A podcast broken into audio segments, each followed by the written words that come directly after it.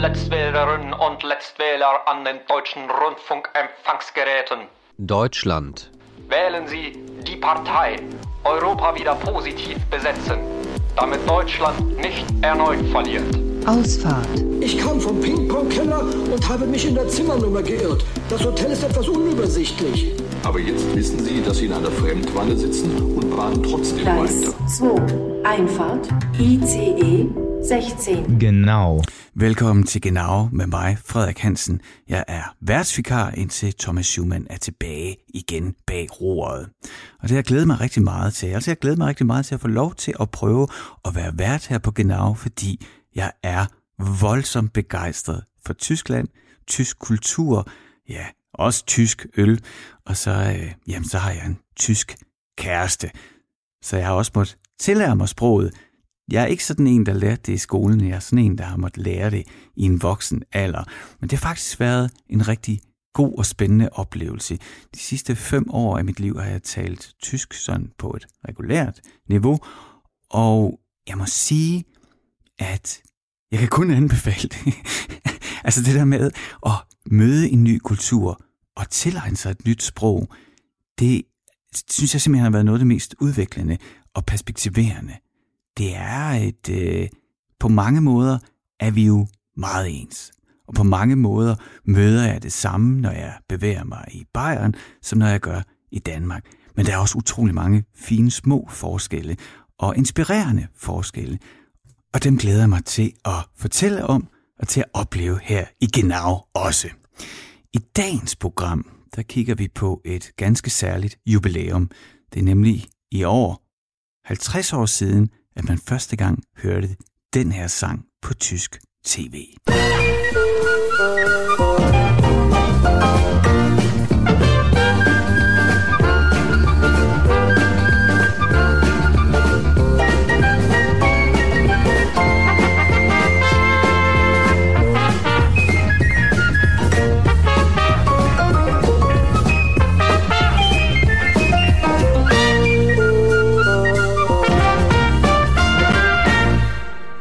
Sendung mit der Maus fejrer i over 50 års jubilæum.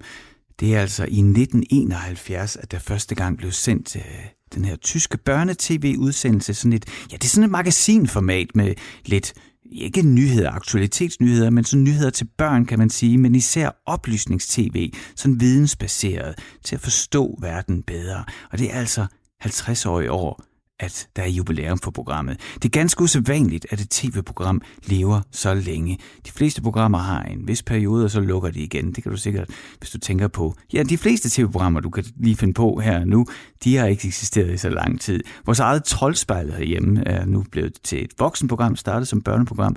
Det mener jeg, det er det, der har den danske rekord lige nu for det programformat, der levede længst tid. Men altså, det tyske de sendung med Damaus er altså på 50 år, og det er stadigvæk lige nogle år længere end Troldspejlet. De sendung er en ganske særlig udsendelse, forstået på den måde, at den har inspireret andre børnetv-producenter og tv-kanaler verden over i vidensformidling. Men på den anden måde, så er den også utrolig gammeldags. Den er utrolig grundig og skolebaseret. Og er det en særlig tysk ting i forhold til det, danske børne-tv har. Hvis du tænker sådan lige, hvis du har børnebørn eller børn, der ser tv på Ramazan, jamen så er der jo figurer som Onkel Reje, der laver blade, og John Dillermand, der har en lang tissemand, og ja, på Ultra prøver man grænser af og smider tøjet foran børn, så børn kan stille spørgsmål til nøgne voksne kroppe. Så noget vil man nok ikke gøre i Tyskland, og det er det, vi skal dykke ned i i dag. Både undersøge, hvad er de sendung med der Maus for en udsendelse, hvilken betydning har den haft for Tyskland og tysk kultur, og i anden halvdel af programmet, så skal vi også have den der danske vinkel på, hvad, øh, hvordan kan man sammenligne det med dansk børnetv. Så velkommen til øh, en lille time i selskab med mig, Frederik Hansen, og de sendung med der Maus. Genau aus Rundfunk 4. Er der noget særligt ved tysk børnetv? Adskiller det sig fra børnetv fra andre steder af verden? Adskiller det sig fra dansk børnetv? Og hvordan kan det være, at sådan et program som Sendung med der Maus har eksisteret i så mange år? Altså 50 år, som jeg nævnte før, det er lang tid i en tv-verden. For at få svar på det, har jeg inviteret en af verdens mest førende børnetv-eksperter. Ja, vielen Dank für die Einladung. Mein Name ist Maja Götz ähm, und ich leite das Internationale Zentralinstitut für das Jugend- und Bildungsfernsehen beim Bayerischen Rundfunk. Also ein sehr langer Titel, denn Deutsche mögen lange Titel. Wie würden Sie das deutsche Kinderfernsehen beschreiben? Mm, also wir haben zum einen ganz viel Wissenssendung. Da sind wir auch weltweit führend, weil wir haben immer eine Schiene am Abend, immer eine halbe Stunde Wissensssendung.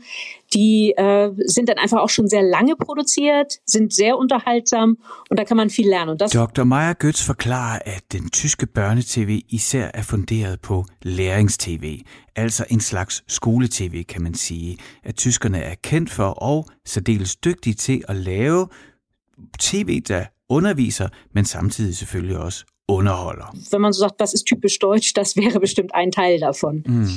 Aber sind Sie der Meinung, dass Kinderfernsehen immer einen pädagogischen Ansatz haben sollte? Mm, ich würde andersrum kommen. Äh, der Mensch und insbesondere Kinder lernen immer. Also insofern, äh, sie lernen auch aus Geschichten, sie lernen auch aus Wissenssendungen und manchmal lernen sie aus Wissenssendungen etwas, was eigentlich in eine Geschichte gehört und ähnliches.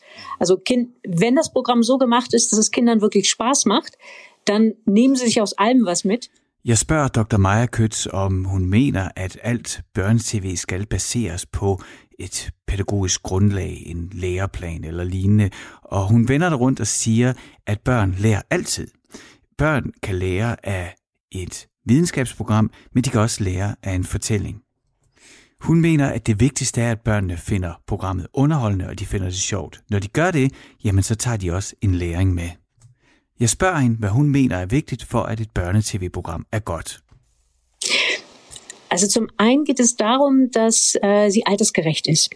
Ganz oft äh, unterschätzt man, wie unterschiedlich zum Beispiel Vorschüler gucken. Und vor Dr. Maja Götz fortæller, at det hun mener, der er det absolut vigtigste for, at et børnetv-program fungerer, det er, at det er aldersspecifikt. Altså, at det henvender sig til en bestemt målgruppe. Ikke bare børn som i 3-15 år eller 12 år, men børnehavebørn, lidt større børn og de ældre børn. Så børnehavebørn skal altså have børnetv, der er lavet specifikt til dem, og hun mener, at alt for mange producenter undervurderer vigtigheden af, især med de små børn, at de kan forstå, hvad der sker på skærmen.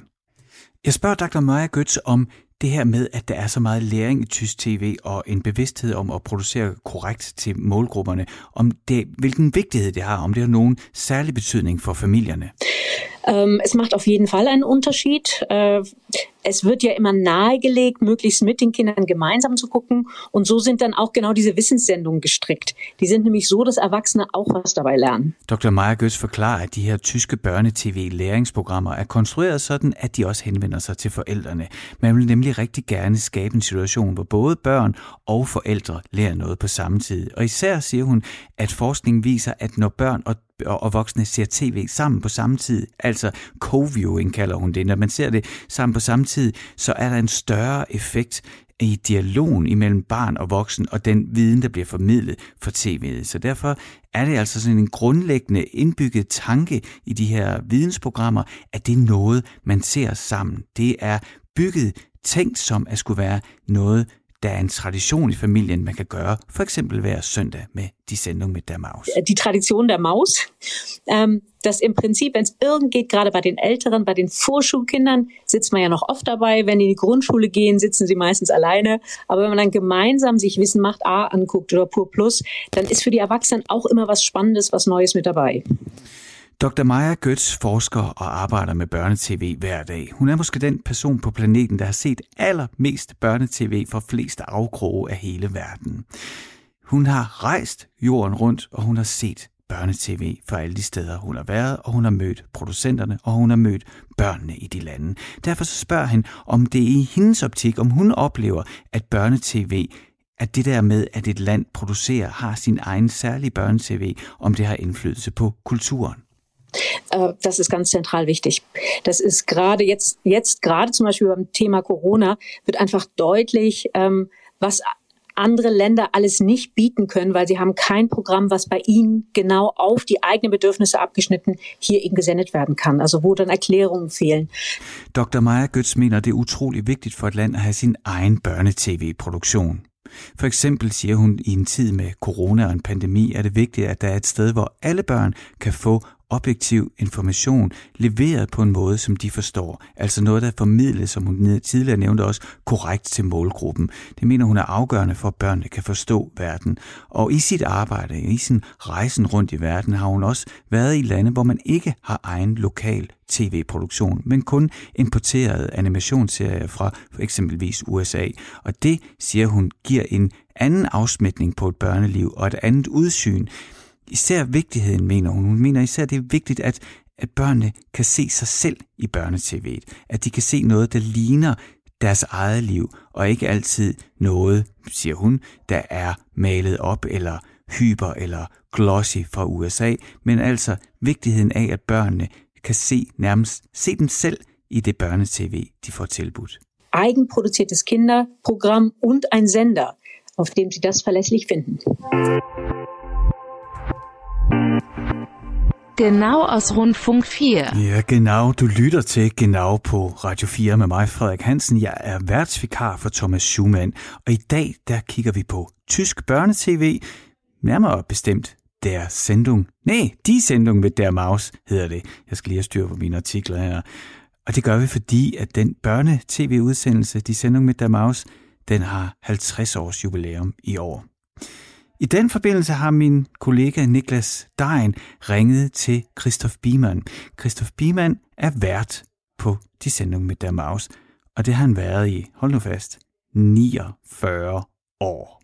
I en verden, hvor radio- og tv-programmer kommer og går, så er det ganske usædvanligt at have haft det samme værtsjob i 49 år. Min kollega Niklas Stein ringede til Christoph Biemann for at spørge ham, om dengang han begyndte i 1972, om han havde nogen idé om, at det ville fortsætte i så mange år. Nein, das war gar nicht abzusehen. Wir hatten äh, das war eine Sendung, die war äh, eine von vielen Kinderprogrammen, die äh, Nej, det havde han ikke set komme, siger Christoph Wiemann. Den amerikanske tv-serie Sesame Street, der på tysk hedder Sesamstraße, florerede også dengang, så de sendte med der Maus var bare en ud af mange ting på tv'et. Når det er sagt, så er Christoph Wiemann selvfølgelig glad for, at serien har overlevet i 50 år og er blevet til en vaskeægte tysk børnetv-klassiker äh, überleben würde und sozusagen ein, ein Hit und ein Klassiker im deutschen Kinderfernsehen werden würde. Og hvorfor tror Christoph Biemann så, at programmet har holdt så længe? Es liegt daran, dass äh, da einige Leute dabei waren. Jo, der er et kæmpe engagement omkring programmet, siger Biemann. De har på programmet holdt fast i, at de vil lave gode og ordentlige programmer hver gang, og derfor er de sendt mit der blevet til Christoph Biemanns hjerteblod. Han hæfter sig ved, at programmet tager børn steder hen, hvor de ikke kommer til hverdag. Det kan være på fabrikker og lignende og se, hvad de laver der. Og så kan børnene faktisk godt lide at se reklamer, der er lavet specifikt til børn. Die aufzeigen, die es da gibt und es war auch mm, eine Beobachtung, dass ähm, viele Kinder gerne Werbung schauen im Fernsehen. Und ähm, da haben wir gedacht, wir machen Werbespots für Kinder. Wir machen Werbespots für Kinder, die den Kindern zeigen, was sie normalerweise nicht sehen können. Also in Fabriken reinzugucken und solche Dinge. Hvad er så Christoph Biemanns egen motivation og drivkraft? Also meine Motivation war ähm, einfach da zu arbeiten, Das ist ja mein Beruf. Det er jo selvfølgelig mit arbejde, siger Christoph Biemann som det mest selvfølgelige i verden. Så det er i sig selv en stor motivation. Men hans motivation har også været at forklare og lære fra sig, altså hvordan virker ting, og hvordan passer ting sammen. Det er noget af det, de beskæftiger sig med i programmet. Mit denen wir spielen, mit denen wir umgehen, also vom Frühstückstisch äh, bis zum, ja, bis zum Handy. Ähm, und das war meine Motivation, wie funktioniert was und wie passt was zusammen. Og programmet, der altså nu har 50 år på bagen, hvordan har det udviklet sig igennem alle de år? Es gab viele Fragen am Anfang, wie wird was gemacht, wie wird was produziert, wie kommt, wie macht man einen Ballon, wie macht man einen, I starten handlede det meget om, hvordan man lavede ting. Hvordan lavede man en ballon, eller hvordan skabte man en kuglepen. Med årene udviklede det sig til også at handle om, hvad man bruger ting til, om genbrug og hvad der skulle ske med de ting, de beskæftigede sig med i programmet, når de ikke længere skulle bruges. Nicht mehr benutzt wird. Wie könnte es recycelt werden? Wie können ähm, Dinge ja, gebraucht werden, äh, wenn sie nicht mehr benutzt werden? Og til sidst, hvorfor er de mit der Maus ifølge verden selv vigtigt børnetv? Ja, die Sendung mit der Maus ist ein Klassiker im deutschen Kinderfernsehen. Es gibt viele Eltern, Die Sender mit der Maus er en klassiker i tysk børnetv, understreger Christoph Biemann igen. Han har fået at vide fra forældre, at deres børn ikke ser så meget tv, og de spiller alt for meget computerspil. Men lige præcis de Sender mit der Maus kan forældrene godt få børnene til at se. De ved, at det er et godt program. De ved, at de får sjov og leg i en halv time. Og også uanset om man kun ser en 5, 6, 7, 8 minutter, så sidder man tilbage med en god følelse, og at man har set god fjernsynsunderholdning. Ähm, wobei das Lernen für uns gar nicht so wichtig ist. Wir wollen eigentlich eher unterhalten und Spaß äh, verbreiten. Und ähm, ich glaube, das ist das Geheimnis, dass wir ähm, wissen, dass ähm, wenn man etwas nach fünf Minuten oder nach sieben, acht Minuten ähm, mehr weiß als vorher, dann ist das ein gutes Gefühl und das ist, hm, das ist gute Fernsehunterhaltung.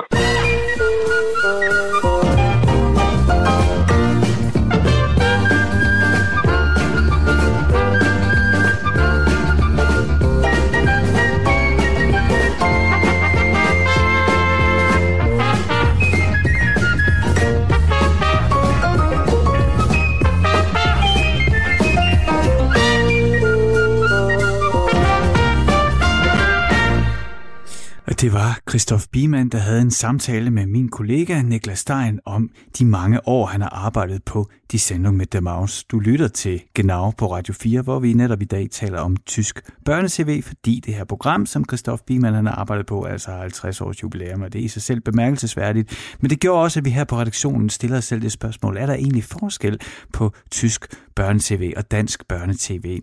Og det øh, er der ifølge professor Dr. Maja Götz, der var med i begyndelsen af programmet. Hun ser, at dansk børnetv er, øh, prøver mere at bryde grænser, og det, øh, det har hun nok ret i.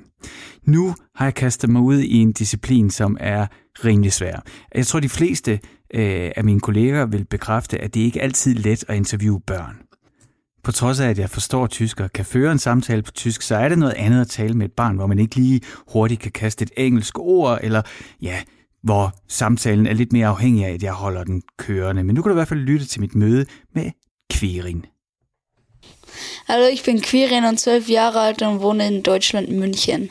Kennst du Sendung mit der Maus? Ja, ich habe sie oft, als ich Kind war, also so fünf bis aufwärts, so zehn gesehen. Und äh, wie hast du das gefunden dann, damals, wenn du jünger war? Es war halt wie so ein bisschen Nachrichten schauen und man hat da viel gelernt. Und Quirin er en 12-årig dreng, der bor i München i Bayern i Sydtyskland. Jeg mødtes med ham for at spørge, om han kender til de sendung med der Maus. Det gør han selvfølgelig. Han ser det ikke længere, men øh, han så det, da han var yngre, siger han, op til omkring, da han var 10 år gammel. Han, kunne, øh, han husker på det med, med begejstring. Han var glad for at se det. Han siger, at det var en slags nyheder for børn, men også hvor man lærte noget. Ikke sådan nødvendigvis matematik og alt det, man lærer i skolen, men som i hans egne ord, ting, som man kan bruge til noget. Han er også især begejstret for de øh, tegnefilm og den overraskende måde, øh, tegnefilmene kan formidle viden på i die Sendung mit der Maus? Ja, die Beiträge waren sehr hilfreich und hab, ich habe schon was gelernt. Also jetzt nicht sowas wie Mathe oder so, aber schon was, was man vielleicht mal brauchen kann. Was kann das zum Beispiel sein? Zum Beispiel habe ich gelernt, wie Sean the Schaf, das ist so eine ähm, Zeichentrickserie aus Knete und da, wie die hergestellt wird und über Stop Motion und so. Und genau. Jeg spørger Quirin om, hvad det er, han har, mener, han har lært af at se de sendung med der mouse, og han forklarer om, at han kan huske et afsnit, hvor han så, hvordan man lærte at lave stop-motion claymation animation. Og det er for den her serie, der hedder Frode For, hvor det altså er sådan nogle ja, modellervoksfigurer, men modulerer på og tager et billede, flytter lidt, tager et billede og flytter lidt igen, så det til sidst bliver sådan en stop-motion animationsfilm. Og det var han meget begejstret for, at blive lukket ind i den verden af den produktion og komme tættere på og få en større forståelse for, hvordan den ja, det indhold, han så, altså de serier, han så, hvordan de var lavet, det er noget, han husker med begejstring, når han tænker tilbage på dengang, han så de sendte med der mouse. Han kan også huske, at der var opskrifter og hjælp til, hvordan man kunne for eksempel bage en kage, altså helt konkret se, hvordan man gjorde det. Det er jo sådan noget, der i dag ungerne ofte går på YouTube for at se, hvordan man bager en kage. Men det var noget, han lærte igennem at se der sendung med der mouse. Og så var der også mange eksperimenter, der begejstrede ham. Forskellige sådan fysiske, håndgribelige eksperimenter, hvor moderatorerne, altså værterne i programmet, ja, for eksempel den klassiske øh, Coca-Cola Light og Mentos, hvordan man kan blande dem og så lave sådan en gejser ud af det. Så øh, de, de her håndgribelige eksperimenter, som man kunne bruge til noget at forstå, det begejstrer ham med de sendung med der mouse. Og som jeg siger lige igen, som han selv sagde, ikke sådan noget ligesom i skolen, hvor man lærer noget, men hvor man lærer noget, man kan bruge til noget rigtigt. Quirins forældre er selv vokset op med de sendung med der Maus, og Quirin så det altid enten sammen med sine forældre eller sammen med sin barndomskammerat. Jeg spørger ham, om han kan forestille sig, at nu når programmet er 50 år gammelt i år, at når han en gang om 20 år måske har sine egne børn, og man kan forestille sig at øh, fortsætte den tradition, og at han også vil se de Sendung med der Maus med måske sine børn engang. Also wäre vielleicht schon möglich, aber ich glaube jetzt nicht, dass es die da noch gibt, diese ähm, Sendung mit der Maus. Aber warum nicht? Aber er hat jetzt für 50 äh, Jahre gespielt. Ja, früher war es halt so, da war halt Fernsehen noch und jetzt wird halt immer alles moderner und da kommen så wissensserien eigentlich nicht. Kviren kan på den ene side godt forestille sig, at han kunne se programmet med sine egne børn om 20 år, men han tvivler på, at programmet stadigvæk findes. Han synes, at tidens udvikling, måden hvordan han og hans jævnaldrende bruger medierne på, ikke rigtig peger på, at et traditionelt sådan vidensmagasin på tv vil kunne overleve. Det er jo selvfølgelig hans vurdering ud fra, hvordan han taler med sine venner, hvordan han selv er. Men jeg synes nu alligevel, det er interessant at høre hans perspektiv på, om han finder, øh, at øh, de sendte med der er blevet gammeldags i en medietid, hvor ja, hvor der lige pludselig er alle mulige andre tilbud, end det, der er på tv'et. Altså alt, hvad man kan selv kan søge og finde frem af læring og videnskabelige eksperimenter på YouTube, eller hvad man nu vil underholde sig af. Så han er tvivlende, og jeg spørger ham, om han tænker, at det er fordi, at die Sendung mit der Maus er gammeldags, eller hvad det er, han mener. Also ändern sollte sie sich nicht die, die ganze Zeit, wie soll ich sagen, die ändert sich schon, die passt sich schon an die Zeit an. Quirin synes egentlig ikke, at de sendte med dem skal lave sig om. Han synes, at de programmet har været ok til at tilpasse sig tidsudviklingen. Alligevel, og det her det er jo så bare for ham personligt, så ønsker han sig, at fremtiden kommer med noget, som han siger, endnu mere brugbart tv. Noget, der handler mindre om at blive klog, men mere om, hvordan man overlever i en verden. For eksempel i en verden med store klimaomvæltninger, som er noget, der bekymrer ham. Jeg spørger Quirin, om han har lyst til at se et par klip med dansk børnetv, som er en lille smule anderledes, må man sige, end det tyske, han er vokset op med. Det vil han heldigvis gerne, så senere her i Genau, der vender Quirin på 12 tilbage, og så skal han altså se lidt dansk børne-tv, og så må vi høre, hvad han synes om det.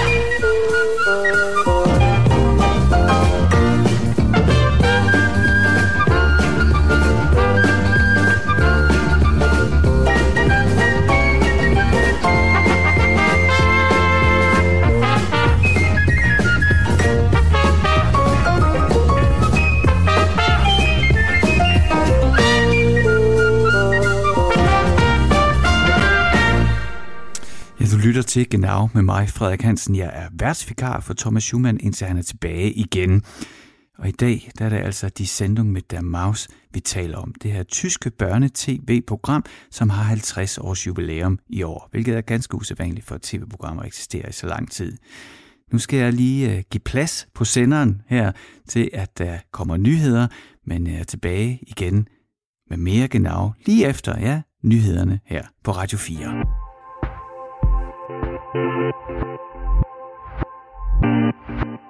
Genau aus Rundfunk 4.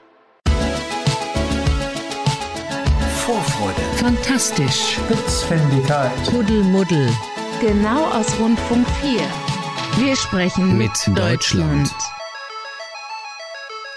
Velkommen tilbage til Genau med mig, Frederik Hansen. Jeg er værtsvikar, indtil Thomas Schumann er tilbage på pinden igen. Der får jeg altså lov til at passe programmet Genau, og jeg skulle lige til at sige, det passer mig rigtig godt, fordi jeg er tysk begejstret, tysklandsk begejstret. Og i dag der taler vi om tysk børnetv. Mest fordi, at en meget populær tysk børnetv-udsendelse, Die Sendung mit der Maus, har 50 års jubilæum. Det fejrer vi så her i Genau ved at ja, finde ud af, hvad er tysk børnetv egentlig for noget, og er det væsentligt anderledes end den danske børnetv. Dr. Har som sagt set børnetv fra hele verden, og dermed har hun også set børnetv fra Danmark. Derfor så spørger jeg hende, om hun oplever nogle forskelle på dansk børnetv og tysk børnetv. Das dänische Fernsehen ist sehr viel bereiter, mal ein Risiko einzugehen. Ähm, und zum Beispiel, wir hatten zum Beispiel beim letzten Prix Jeunesse hatten wir ein Programm, äh, oh Gott, hoffentlich sage ich es richtig, Ultra Strip Down. Ja, genau. ähm, wo im Prinzip Erwachsene sich nackig ausgezogen haben. Dr. Maja Götz forklarer, at det dansk producerede børnetv ofte er mere risikovilligt, at vi bryder flere grænser og tabuer og ikke er så bange for at prøve ting af. Hun husker især fra den seneste Prisiones, Prisiones af den her store øh, tv-festival, der bliver afholdt hver andet år i München, som Dr. Maja Götz også er leder af, hvor der er børnetv fra hele verden. Man kalder den sådan lidt børnetv'ens Oscar. Der husker hun fra sidste år, at Danmark havde et program med, som hedder Ultra Smider Tøjet. Det er et program, hvor øh, voksne mennesker kommer ind og stiller sig foran et publikum af børn, ja, og så smider de voksne mennesker altså tøjet og står komplet nøgne foran børnene, som så kan stille dem spørgsmål, nysgerrigt til spørgsmål ind til kroppen. Og det er, der bliver ikke lagt fingre imellem, der må man spørge om alt. Til kønsdele, til vægt, til højde, til størrelse, til hvad man nu kan forestille sig, man kunne have af spørgsmål til kroppen. Og det gjorde et særligt indtryk på Dr. Meyer Götz.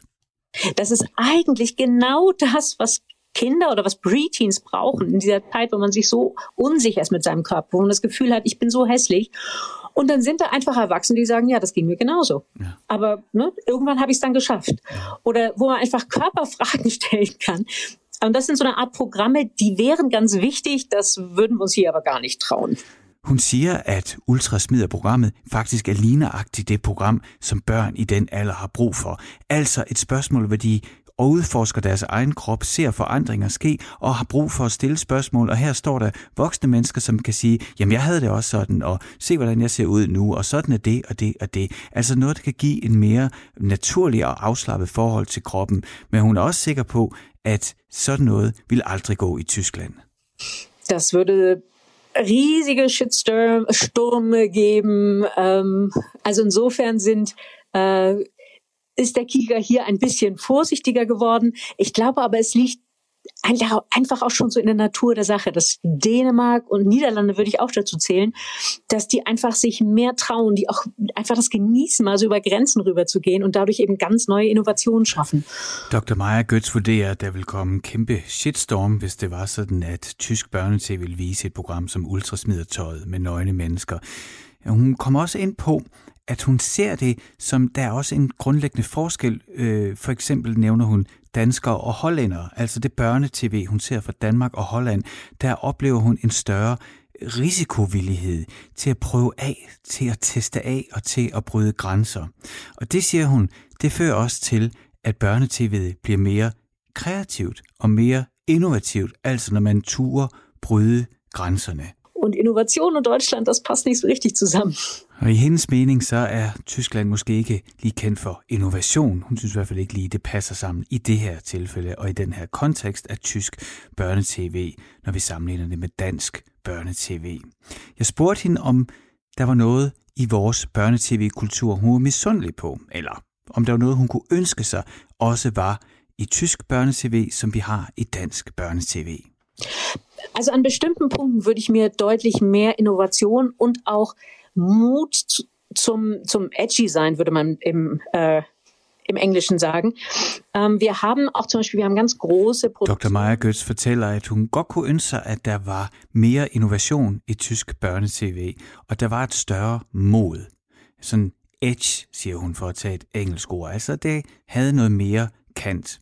Hun fortæller, at der er jo kæmpestore og dyre tyske børnetv-produktioner, som har stor succes og som også bliver sendt i andre Lande. Men Aber die sind so glatt, das sind so schöne Menschen, so sehen eigentlich normale Kinder gar nicht aus. Und die Geschichten sind immer ganz rund geschliffen, dass man sich bloß über nichts aufregen kann. Men problemet med de her store produktioner er, at de børn, som børnene ser inde på skærmen, altså de børneskuespillere, der er, og voksne skuespillere, der er, de er så smukke og perfekte, og historierne er afrundede og uden kant og uden fare, så det ikke udfordrer børnene, plus børnene kan heller ikke genkende sig selv i de børn, de ser. Det er en anden verden, end den, de selv lever i. Und das ist so ein bisschen schade. Also ich würde mir mehr wünschen, dass wir uns trauen, auch an die Grenzen ranzugehen, dass wir auch benennen, was hier einfach schief läuft. Wenn man zum Beispiel an Rassismus denkt, wenn man an unsere Kolonialgeschichte denkt, die wird überhaupt nicht erwähnt. Hun synes, det er ærgerligt, at man ikke stoler på, at børnene godt kan forstå fortællinger, hvor tingene også går skævt. At man ikke turer gå til grænsen af, hvad man gør lige nu, og pakker alting så perfekt ind. Hun kunne godt tænke sig, at man for eksempel behandlede fortællinger om racisme eller Tysklands fortid. Ähm, also genau da, wo eigentlich wir als Gesellschaft es bräuchten, da trauen wir uns nicht hin. Frau Dr. Maja Götz, vielen Dank. Sehr gerne. Genau aus Rundfunk 4. Og nu så skal vi også have et andet perspektiv på den her fortælling, for vi bliver herhjemme nu, selvom vi taler om tysk børnetv. Min kollega Niklas Stein har også talt med Helle Strandgaard Eriksen. Hun er lektor i samtidskulturhistorie ved Institut for Kultur og Samfund på Aarhus Universitet. Altså man kan sige, at i forhold til tv-vaner, så er det jo klart, at de ligesom også har fulgt øh, tv's udvikling. Altså der har ikke været Øh, hvis nu vi tager 50 år tilbage, så var der ikke særlig mange timer om ugen, hvor man sendte børnetv. Så var det sådan noget en halv time der og et kvarter her. Og øh, det var først i, altså sådan noget med at sende en halv time om lørdagen, det, øh, det kom først i starten af 70'erne for eksempel. Og der var jo også kun én kanal på det tidspunkt, indtil vi får TV2 i 1988. Øh, så, øh, så der har, det har været, altså, hvad kan man sige, vanerne har også været begrænset i kraft af, at sendetiden for børnetv har været begrænset. Men børn har jo så, så også set alt muligt andet. De har set western sammen med deres forældre, de har set øh, danseshow, de har set øh, tv-teater og sådan noget.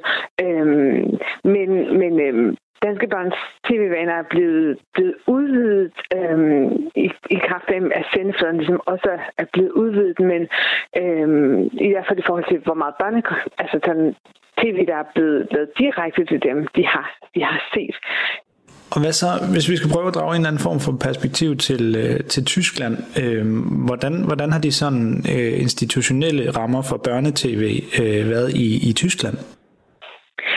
Det er rigtig, noget, der er rigtig interessant med Tyskland, det er, at man øh, i, øh, i Bayern øh, på Bayerische Rundfunk øh, etablerer et, et lidt større samarbejde, sådan også med European Broadcasting Union, øh, en tv-festival i 1974. Øh, det er noget, der hedder Prisiones Foundation, øh, som, som både har en, en, en, en tv-festival, som kommer hver andet år, altså for børnetv, helt særligt for børnetv, og så har de også tilknyttet et forskningscenter.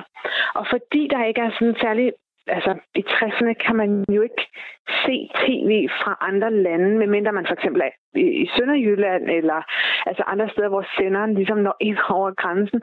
Men det er meget svært at se, øh, få inspiration fra udlandet og sådan noget. Så det der med, at man kan komme til en tv-festival, så kommer, altså for eksempel i 1970, så er der øh, mere end 130 deltagere fra mere end 30 lande fordelt på øh, fire kontinenter, øh, som kommer til den her tv-festival og ser for eksempel Sesame Street for første gang fra USA øh, i 1970.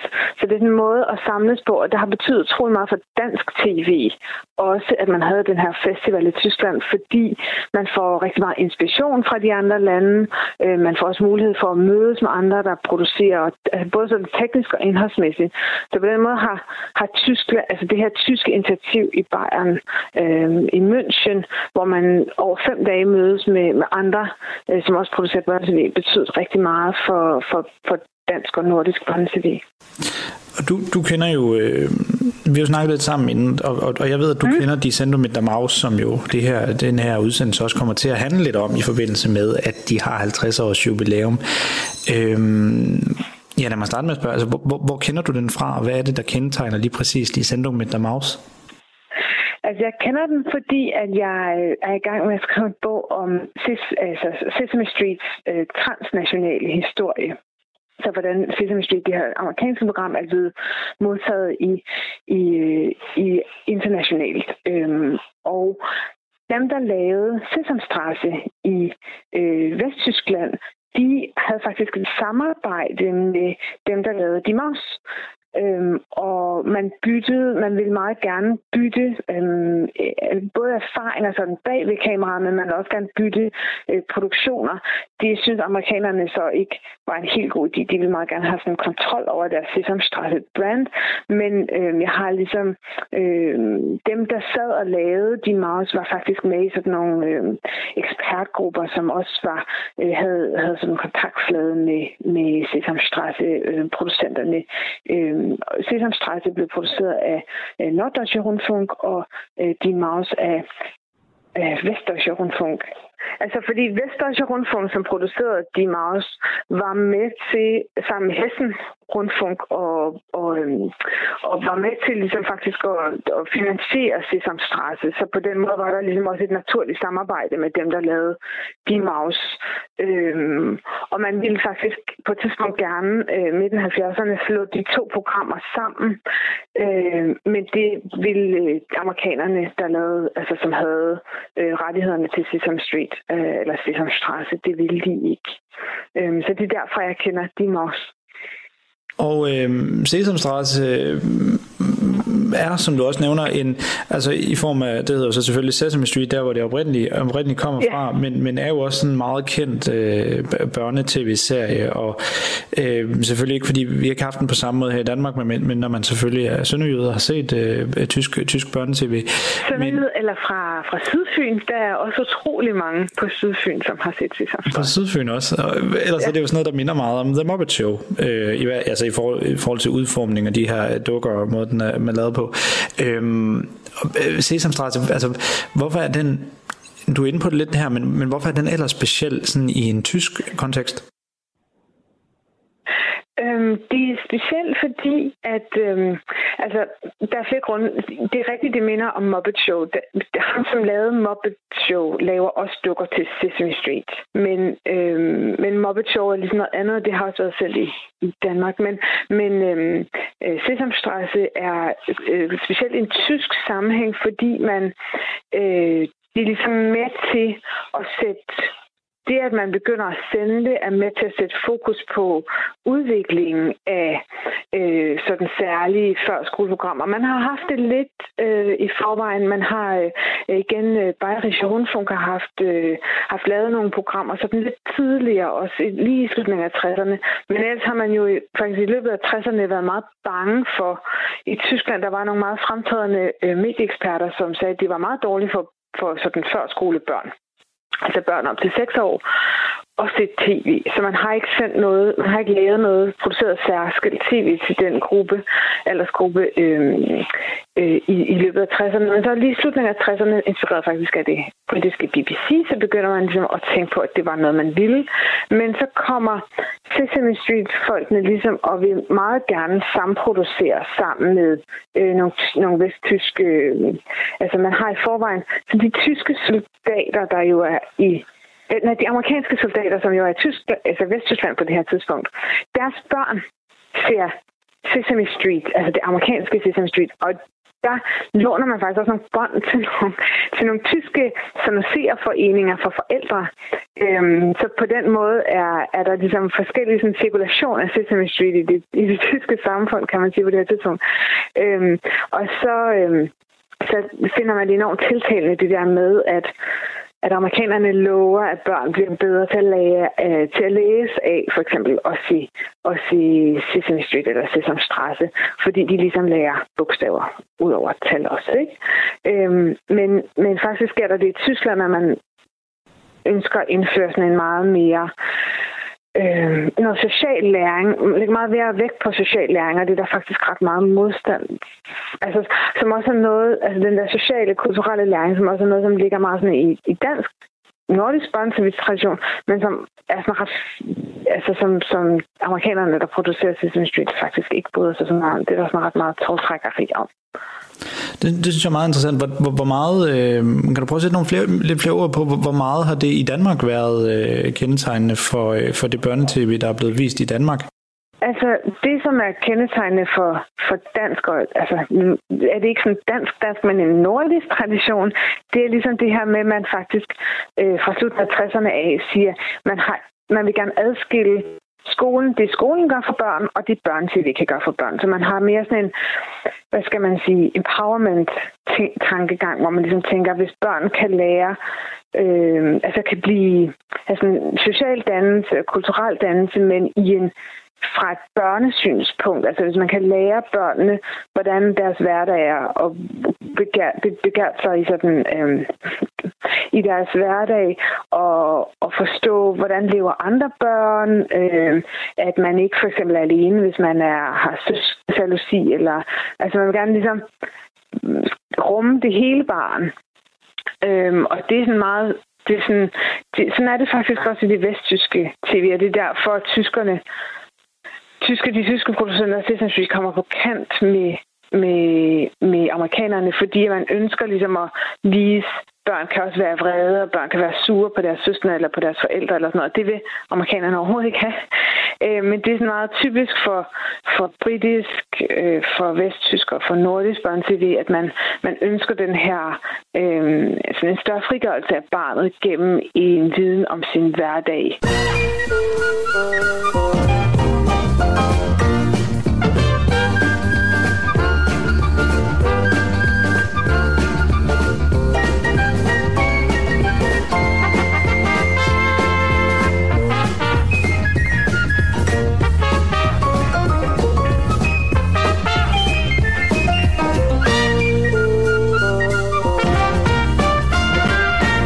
Jeg er tilbage i München i Bayern på besøg hos Kværing på 12 år. Han var med tidligere i det her program til at fortælle om, hvordan han huskede tilbage på dengang han så de sendung med der Maus, altså det tyske børnetv, han er vokset op med. Jeg aftalte også med ham, at vi senere her i programmet, det er altså nu, at jeg der vil vise ham tre forskellige klip fra danske børnetv-serier. Jeg vil begynde med at vise ham et klip med Onkel Rej. Onkel Rej er jo den her lidt kontroversielle børnefigur på DR Ramachan, som er sådan en mand med tyk mave, stor skæg og et levende sprog, øh, som jo i den grad har prikket til konventionerne. Jeg selv, skal jeg skynde mig at sige, stor fan af Mads Gertsen, der er manden bag Onkel Reje og hans idéer om, hvordan man kan udfordre børn i børnetv i Onkel Reje på forskellige eventyr. På et tidspunkt så laver, der, laver man en serie med Onkel Reje, hvor han gerne vil vinde Heavy MGP. Og der var der altså øh, et øje, øh, nogle momenter af den serie, som også landede i den danske presse, nemlig at Onkel Reje, han besøger en satanistisk kirke for at komme, ja, fordi at Ja, Satan er en del af Heavy, tror han. Og der skal han altså, for at blive en del af den her satanistiske kult, der skal han igennem nogle prøver. Prøv at lytte, hvordan øh, det lyder, og så spiller jeg det også for Quirin, og så må vi se. Ja, så kan du selv tænke, hvad du synes, og så kan du høre, hvad Quirin synes. Mm. Satan, jeg hedder dig. Tag imod onkel Raja Krølle, og lad dem blive mega heavy.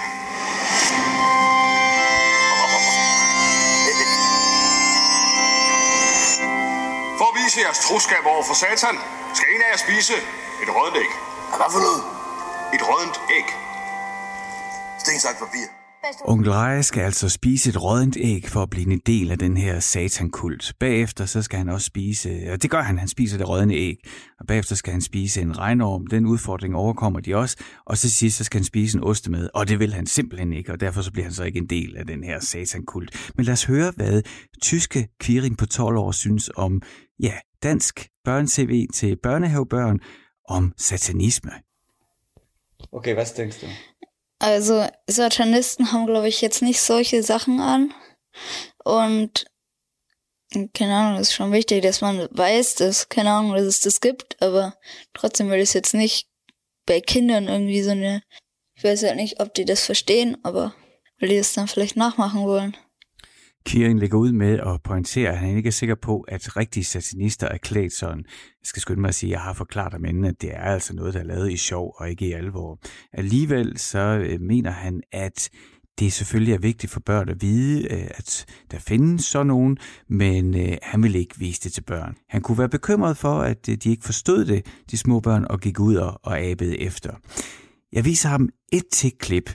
Nu er det med en anden kontroversiel det er Ramachan-figur. Altså igen til de små børn, de, dem der går i børnehaver de, i 0. 1. 2. klasse.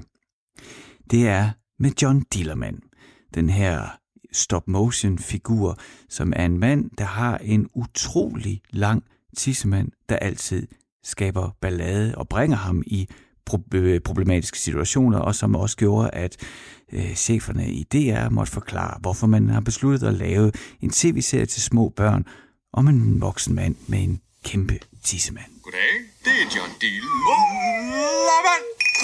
John Dillermand, John Dillermand. Han er verdens længste Dillermand. Der er næsten ikke noget, han ikke kan. Med det. Han kan smide den rundt, han kan blive lidt flov. Han kan redde hele verden, med sin bare fik. John Dillermand, John Dillermand, John Dillermand. John Dillermand,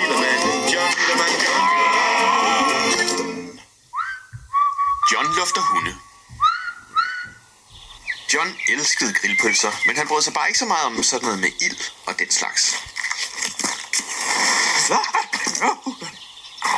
Men Dilleren vidste lige, hvad der skulle gøres.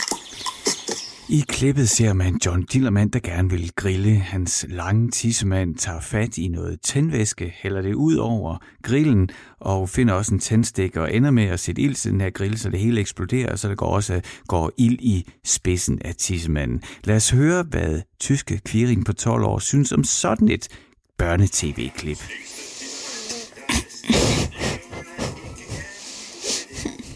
Das ist ein bisschen komisch, dass der Pimmel so einen langen Strumpfhose anhat, dass der auch so farbig ist. Und genau, ich finde es trotzdem ein bisschen komisch. Ja. Und wie, kannst du mir erklären, was meinst du mit komisch? Wie, wie äh, lustig oder merkwürdig? Es ist merkwürdig, wie man auf die Idee kommt, was das für, die, für Kinder zu machen.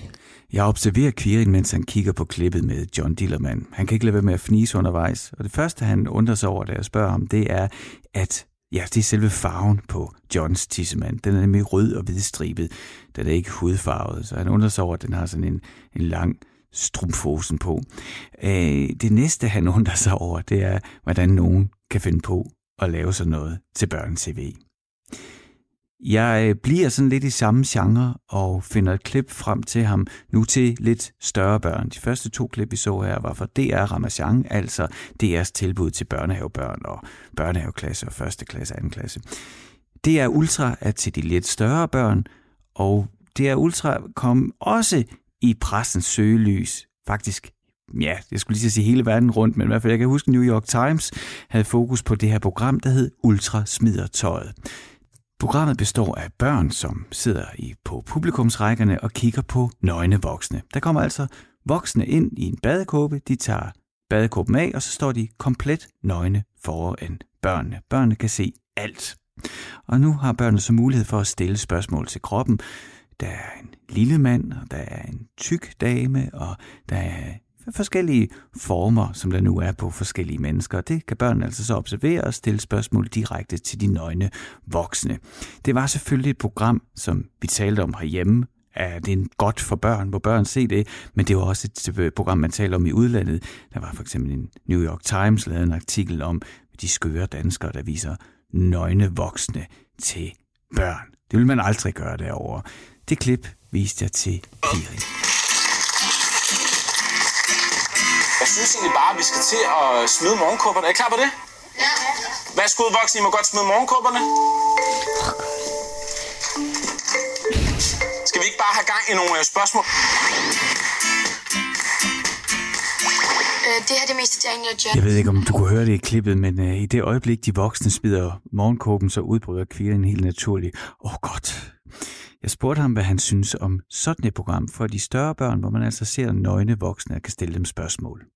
Es ist gut, dass man einen Körper kennenlernt, aber trotzdem würde ich es nicht bei nackten Erwachsenen machen, wo Kinder die was fragen, sondern eher bei vielleicht davor fragen die Kinder irgendwas, äh, stellen sich Fragen und dann animiert man das oder so.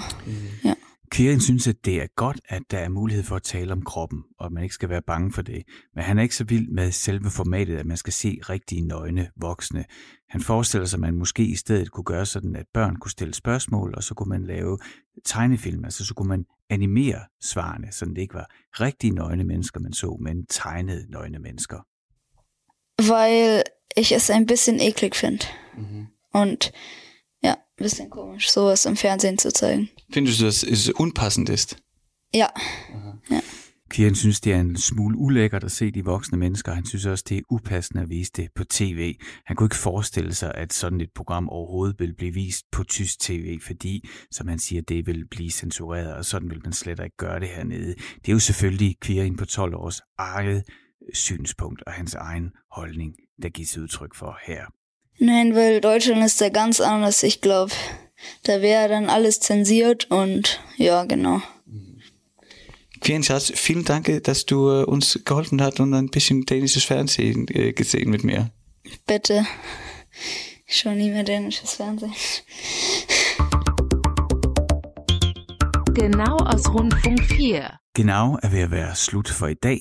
I dag kiggede vi på tysk børnetv, især De Sendung med der Maus, der fejrer 50 års jubilæum i år. Husk, du kan altid finde programmet som podcast, der hvor du normalt henter din podcast. Der kan du høre alle de andre Genau-programmer også, eller du kan finde det inde på vores hjemmeside.